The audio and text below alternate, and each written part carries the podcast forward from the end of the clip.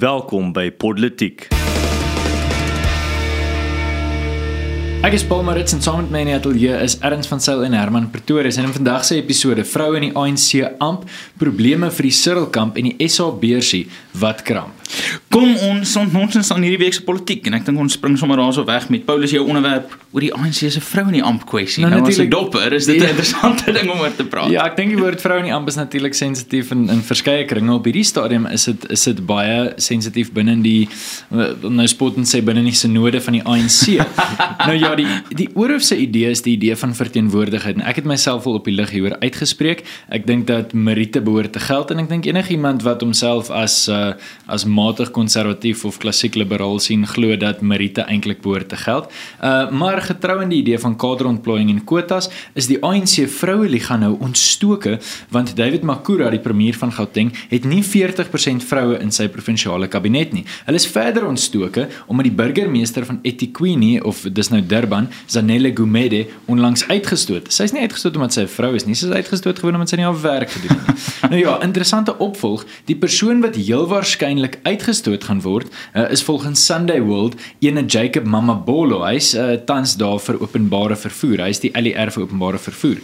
Die uitdaging hiermee is dat hy die enigste verteenwoordiging van die SAKP binne hierdie spesifieke liggaam is. Uh, wat natuurlik spanning binne die drie party alliansie kan veroorsaak. 'n Ander hmm. opsie wat vir my en miskien vir julle meer populêr sou wees, is om die LER vir onderwys ene Panyaza Lesufi te verwyder.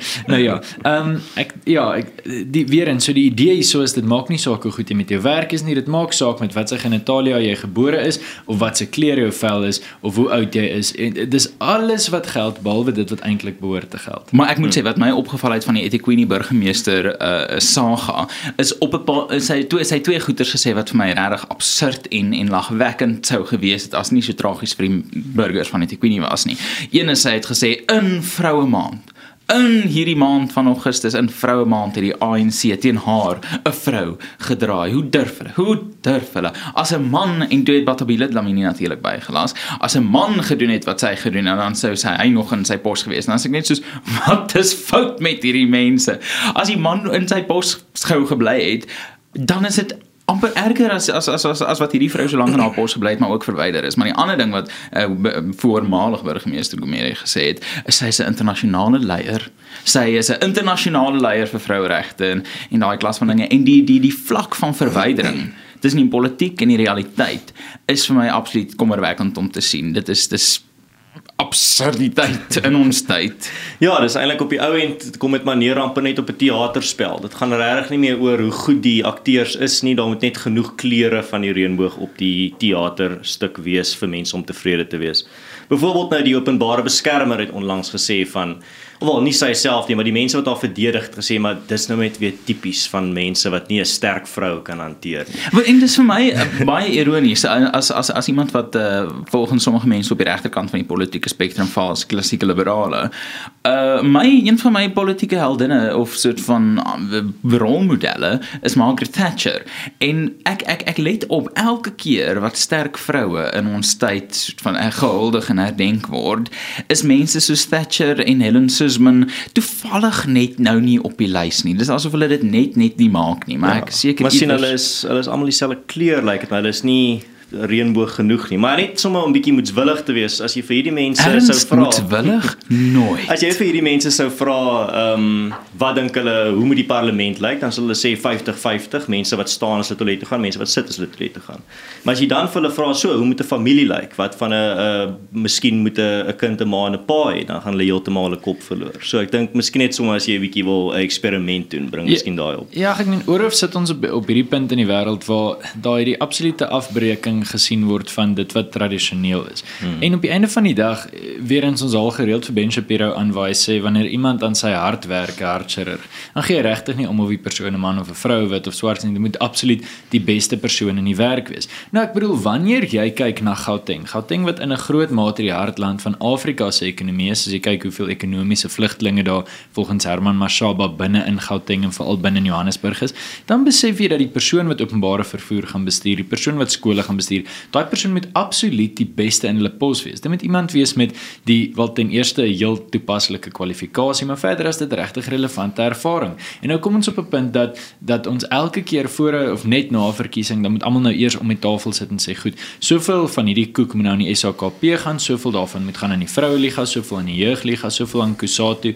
En op die einde van die dag is dit regtig nie wat behoort saak te maak nie. Ons is 'n land wat dringend nodig het dat die regte persone daar is. En wie is die regte persoon? Vir my gaan dit elke keer die beste persoon wees. En ek moet sê dit is dit dis dis tragies dat die ANC die regerende party in hierdie lokval trap.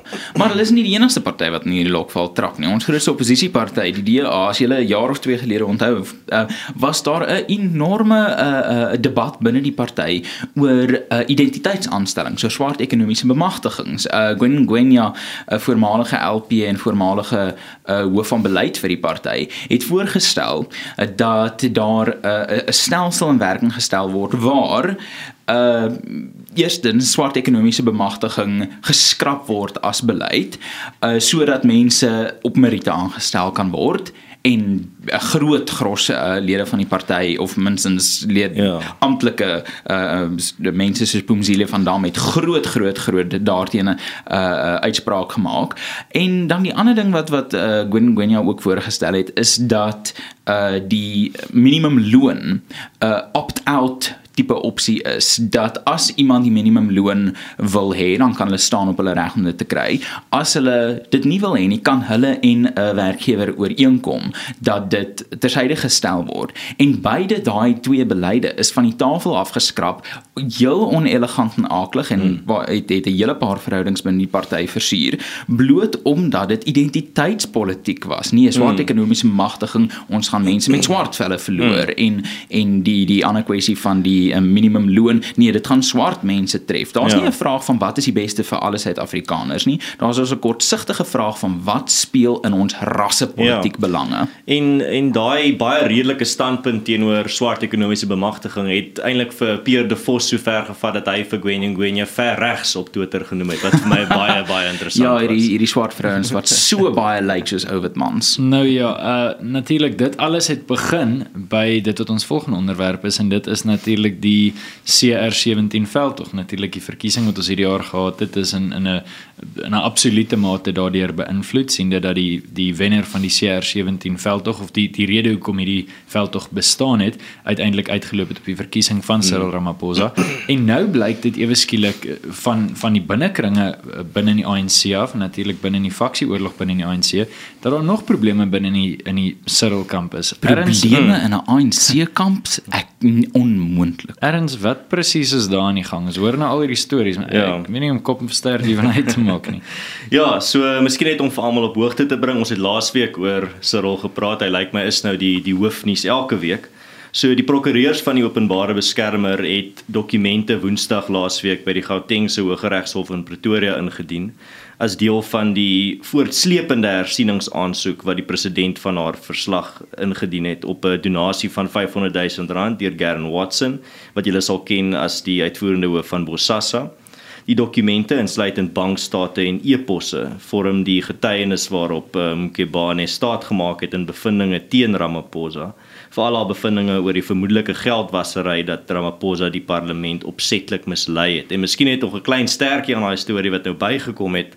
Ehm um, vir hierdie week het uh, twee EFF-lede bedank wat elk R80000 by die ene se rol gekry het uh as deel van 'n veldtog en dit op die oomblik het hulle het gesê hulle het nou om verskoning gevra en gesê hulle het die party in hulle eie woorde gecompromise.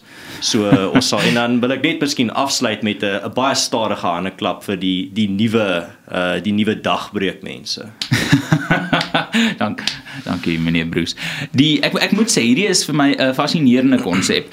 Dat dat is Cyril Ramaphosa word deur baie mense gesien as hierdie regtige uh, soort van 'n die die volwasse uh strateeg binne die ANC. Daai daai man wat wat die cool kalm beheer het, wat die regte gesonde oordeel het. En dit dit is 'n bietjie kommerwekkend dat die man wat veronderstel is om hierdie land te gered het weer eens dankie nuwe dag breek mense.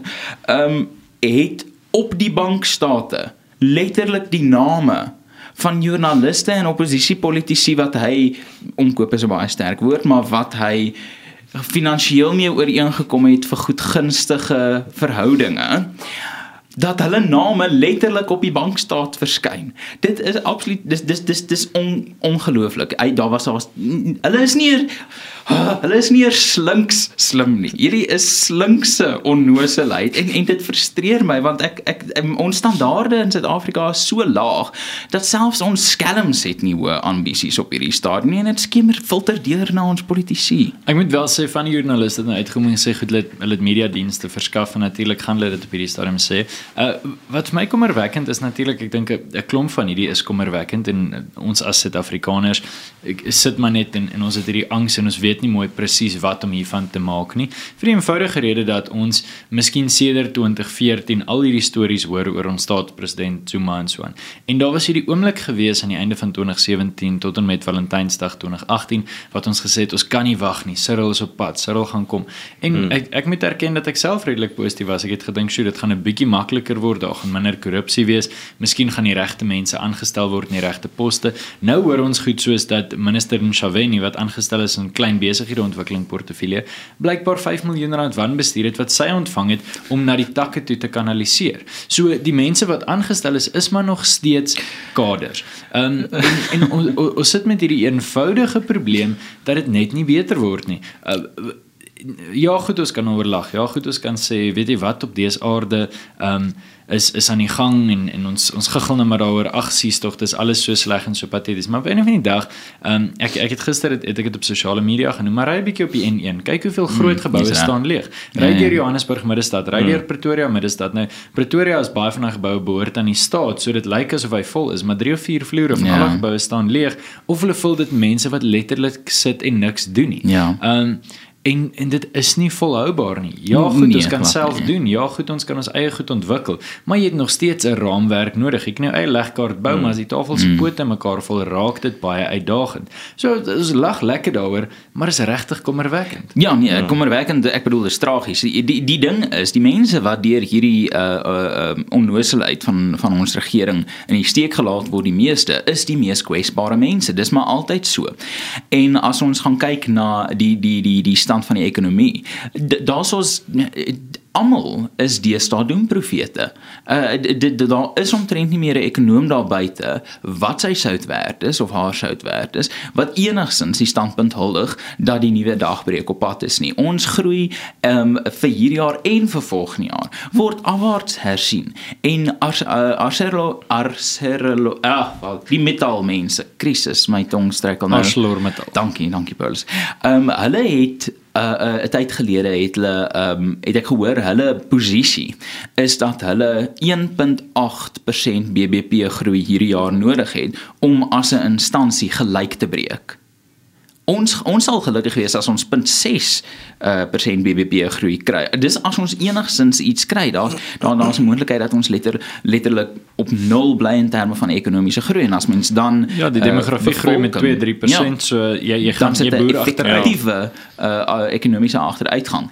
Maar die ding hierso is ook Ramaphosa se posisie word by die dag swakker. Kom ja. ons wees eerlik, wie wil hom nog daar hê? Kom ons gaan kyk binne die drie party alliansie. Wie wil nog vir Ramaphosa in sy amp hê? Ek is bereid om amper geld op die storie te sit dat hy kom ons sê oor 'n jaar nie meer president gaan wees nie. Daar's niemand wat hom daar wil drasties gaan gebeur tensy dit ja. jy weet hy iets een van 'n plan maak en dan gaan ons almal absoluut dit was die plan. Absoluut. Maar dit lyk nie wat kan dit, gebeur. Dit lyk nie of dit kan gebeur nie. En en op om heeltemal eerlik te wees, as ons gaan kyk na die parlementêre komitees, ons het 'n paar weke gelede hieroor gesels. Die parlementêre komitees is die ex-Zuma Magashule ministers wat nou basies die die die wetgewende oorsig oor die uh, soort van Ramaphosa mense het in die kabinet en hulle gaan elke geleentheid vir hervorming kortwiek en dit is as daar geleenthede of as daar 'n uh, uh, pogings tot hervorming kom. So die ANC, die land is in 'n benarde posisie. Ja, en dit help ook nie regtig dat ons nie op die oomblik in baie ideale wêreldsomstandighede is in terme van die ekonomie nie, van die wêreldse ekonomie nie. Ons sit op die oomblik met 'n uh, nog steeds 'n handelsoorlog wat woed tussen Amerika en China wat lyk met die res van die wêreld ook bietjie in 'n uh, in 'n paniek insit. As ons kyk nou die die in Duitsland hoor ons nou net uh, onlangs dat hulle in hulle tweede kwartaal het hulle ekonomie met 0.1% gekrimp. Ja. Ons hoor dat Singapore, een van die wêreld se model-ekonomieë, het nou hulle groeikoers van 3 tot 1.5 toe uh, gesny.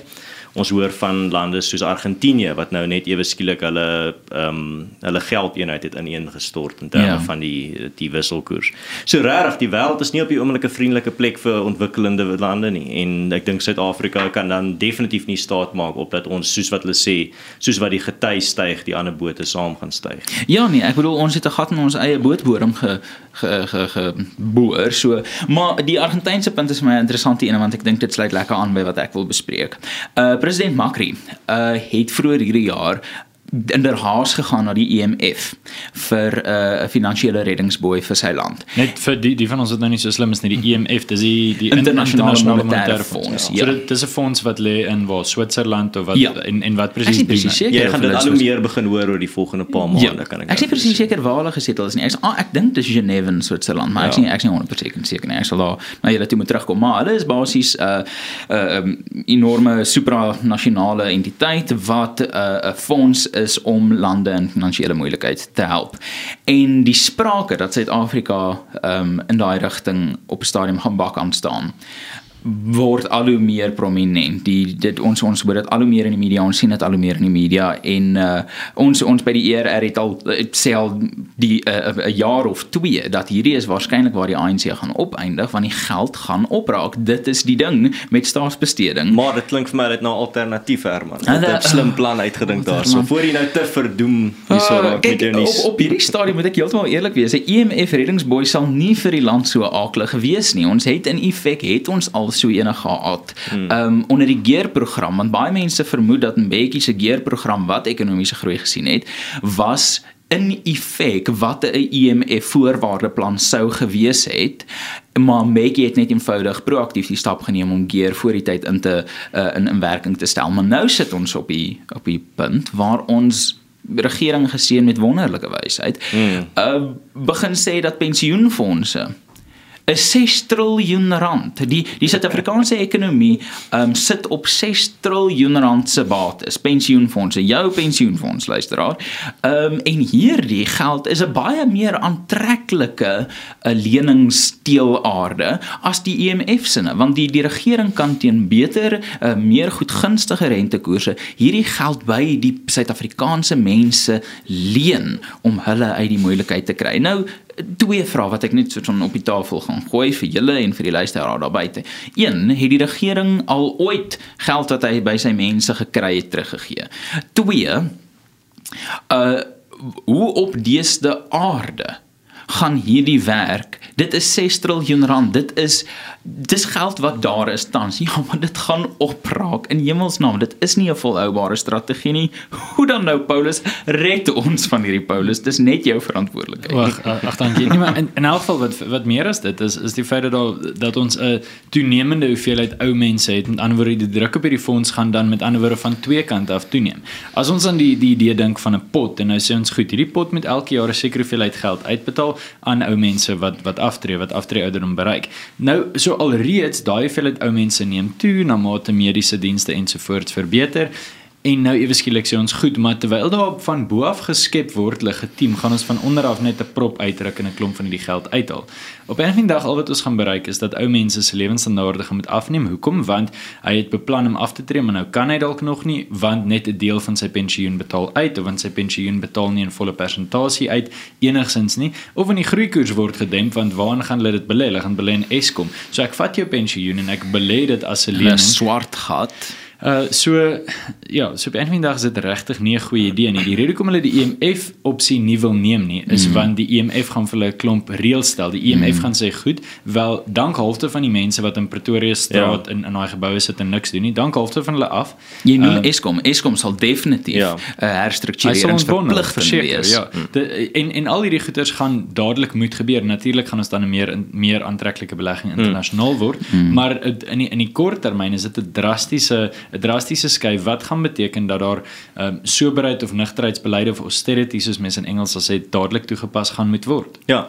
Gaan van dat jy nugterheidsbeleide noem, dit ons is soos 'n land wat dronk is wat nou 'n groot glas water nodig het. Maar wat die eerste ding wat hulle gaan doen is ek bly dit opgebring van die wat die EMF regtig sal doen as hulle aankom. Hmm. So hulle gaan na daai NGV kyk, hulle gaan hulle kop so skud en sê hulle kan nie daai speelding hê nie en hulle gaan na ander goed toe kyk soos Eskom en sê maak daai kamers skoon en hulle gaan kyk mm. na al hierdie ander staats uh, en SOEs en hulle gaan sê julle gaan hierdie regruk of julle is in diep moeilikheid. En in effek dit is dit is wat ons as Suid-Afrikaners wil hê. Maar ons moet die ideologie hier agter sien. Wel kom ek sê so ek sê dit is wat ons as Suid-Afrikaners wil hê.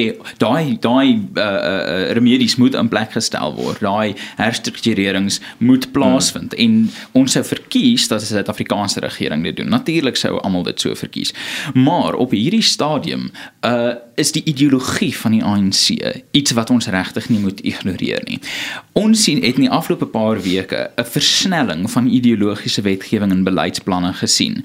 Die gesondheidsversekering, uh, die uh ehm um, ag wat mense, die kredietwet, uh grondonteiening sonder vergoeding en nou hierdie bespreking van uh die die pensioenfonde. Mense dit alles kom neer op 'n vorm van onteiening. Ehm um, ek, ek ek dit was dit was dokter Mkhize wat 'n paar jaar gelede gesê het ehm um, dat wat die beleid van die ANC is sustainable wealth extraction. Daai is 'n aanhaling. Nou hierdie is alles vorm deel van wealth extraction. En die probleem is die woord sustainable and wealth extraction gaan soos um ek weet nie married bachelor of 'n ronde vierkant. Dit dit dis dis twee konsepte wat eenvoudig nie harmoniseer nie. So die ANC is letterlik besig om die die die die die spaarvarkie, die beursie van die Suid-Afrikaanse burger te vat, te skud oop te breek om die laaste bietjie geldjies daar te kry sodat hulle nog hulle hulle hulle hulle uitgawe beloftes kan hou. En mense, ek wil nou nie alarmisties wees nie, maar dit is groot groot groot groot rede tot kommer. En wie ook al kan, moet oppositie daarteen bied en in hierdie opsig kyk ons na die sakelei. En uh die sakelei maak sommige goeie geleide, sommige slegte geleide en ek dink ons kan 'n volgende keer dalk daaroor praat. Hmm. Nou ja, uh As ons die plaaslike nuus op daai noot kan afsluit natuurlik, dit is nie net plaaslik nie omdat dit ook die internasionale monetaire fonds raak, maar as ons 'n bietjie 'n hartseer eh, blikkie kan gooi wat internasionale nuus betref, daar was hierdie week 'n terreuraanval in Kabul, Afghanistan. En hierdie terreuraanval het het 67 mense se lewens geëis. Dit was by 'n troue gewees waar omtrent 1000 mense was en onder die slagoffers is daar ook kinders. Nou goed, ongelukkig is dit so dat hierdie aanvalle baie baie algemeen is. Ons lees natuurlik baie daarvan as dit in Parys of in Londen of elders in Amerika is, maar dis eintlik redelik 'n weeklikse storie um, in die in die Midde-Ooste.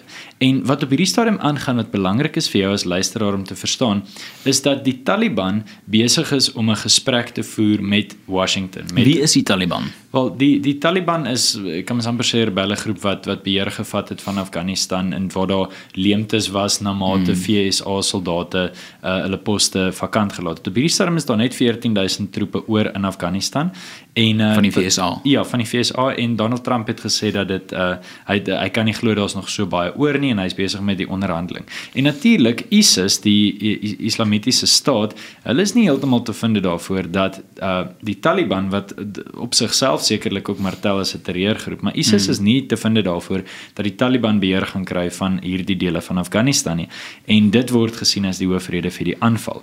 Uh die rede kom ons dit nou net noem is dat ons vir jou as politiek luisteraar dit wil duidelik maak, dit is nie so eenvoudig nie. ISIS is nie so dood soos wat ons gehoop het en gedink hmm. het nie en hulle lyk asof hulle nog so bietjie hou vas het binne in Afghanistan. En ook miskien net die punt dat Suid-Afrika is nie die middel van die hele wêreld nie. Daar's ook 'n hele wêreld daar buite wat chaoties is met sy eie tragiese gebeure en nie so. Ons kan baie keer 'n bietjie verlore raak in die Suid-Afrikaanse negatiewe aspekte, maar dan kyk jy bietjie oor die see en dan kom jy agter maar daar's ander lande met net soveel erge probleme en miskien net om daai punt op af te sluit ek hoop nie wat op die oomblik wat iets wat ek geraak gesien het is dat soos wat ISIS nou van die uh uit die oogheid verdwyn het vir 'n paar jaar lyk like dit my en ons eintlik gedink het hulle is weg het daar ook eintlik die hoeveelheid terreuraanvalle in die weste het baie uh, gedaal wat 'n baie goeie teken was mm. en ek mhm. hoop nie hierdie uh, is nou 'n teken van miskien wat in die toekoms verwag kan word van weer 'n uh, heraktivering van uh, terreurselle in die weste en dit sal absoluut tragies wees. Maar ons moet ook net uh, dit in ag neem dat um, soos wat ISIS uit die Midde-Ooste gestoot word, is daar mense wat teoretiseer dat Afrika hulle volgende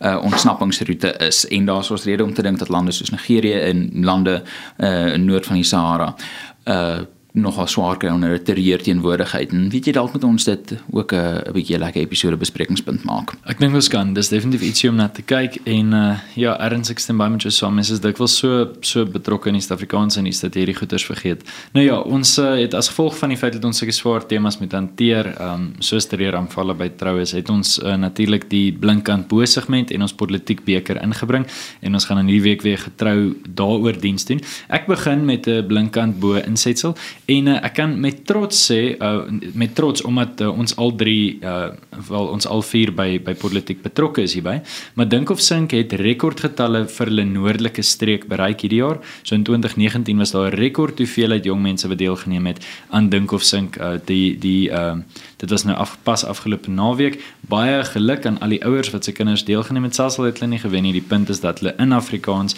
self doen dat hulle nie wag vir 'n regering om vir hulle kultuurkompetisies te reël nie, maar dat daar regtig ehm um, self gedoen word en is iets waarop mense trots kan hmm. wees. Mm, ja, dis definitief iets wat vir my baie hoop gee vir die toekoms en ek dink vir vele ander mense ook wat dit sien. En dan ook net om weer af te sluit, uh, hierso is julle top 5. Julle almal wat luister weet seker van die politiek beker met ons wat ons op Fantasy League uh, op uh, die internet het. En hierdie week het die top 5 bietjie verander. Hierso is julle top 5 Sons of Zeus eerste met Anton Homan. Tweede Shawshank Redemption Dirk Odendaal. Derde All All the Smallings deur Ryan Parsons. Vierde Show Me the Money Leon Lotter en nommer 5 FC Donkertoring Roan Elof wat nou in die top 5 ingekom het. So geen van die aanbieders nie top 5 nie teenoor ons is uh, ons is heel onder. Wel, so Cyril se nuwe dag breek is hierdie episode dan ook eers verby. Ons nooi jou as luisteraar uit om ook self 'n bietjie te ontnoons en stuur die gesprek voort te sit in ons kommentaar afdeling. Ondersteun ons ook gerus op Patreon as jy hou van wat ons doen. As jy nie hou van wat ons doen nie, moet jy jou lewensprioriteite heroorweeg. Al hierdie ondersteuning sal ons help om 'n kamera te koop om die grootste Afrikaanse politieke podsending ook op video te kry. Jy is welkom om ook vir ons 'n resensie te los met jou klagtes en gedagtes.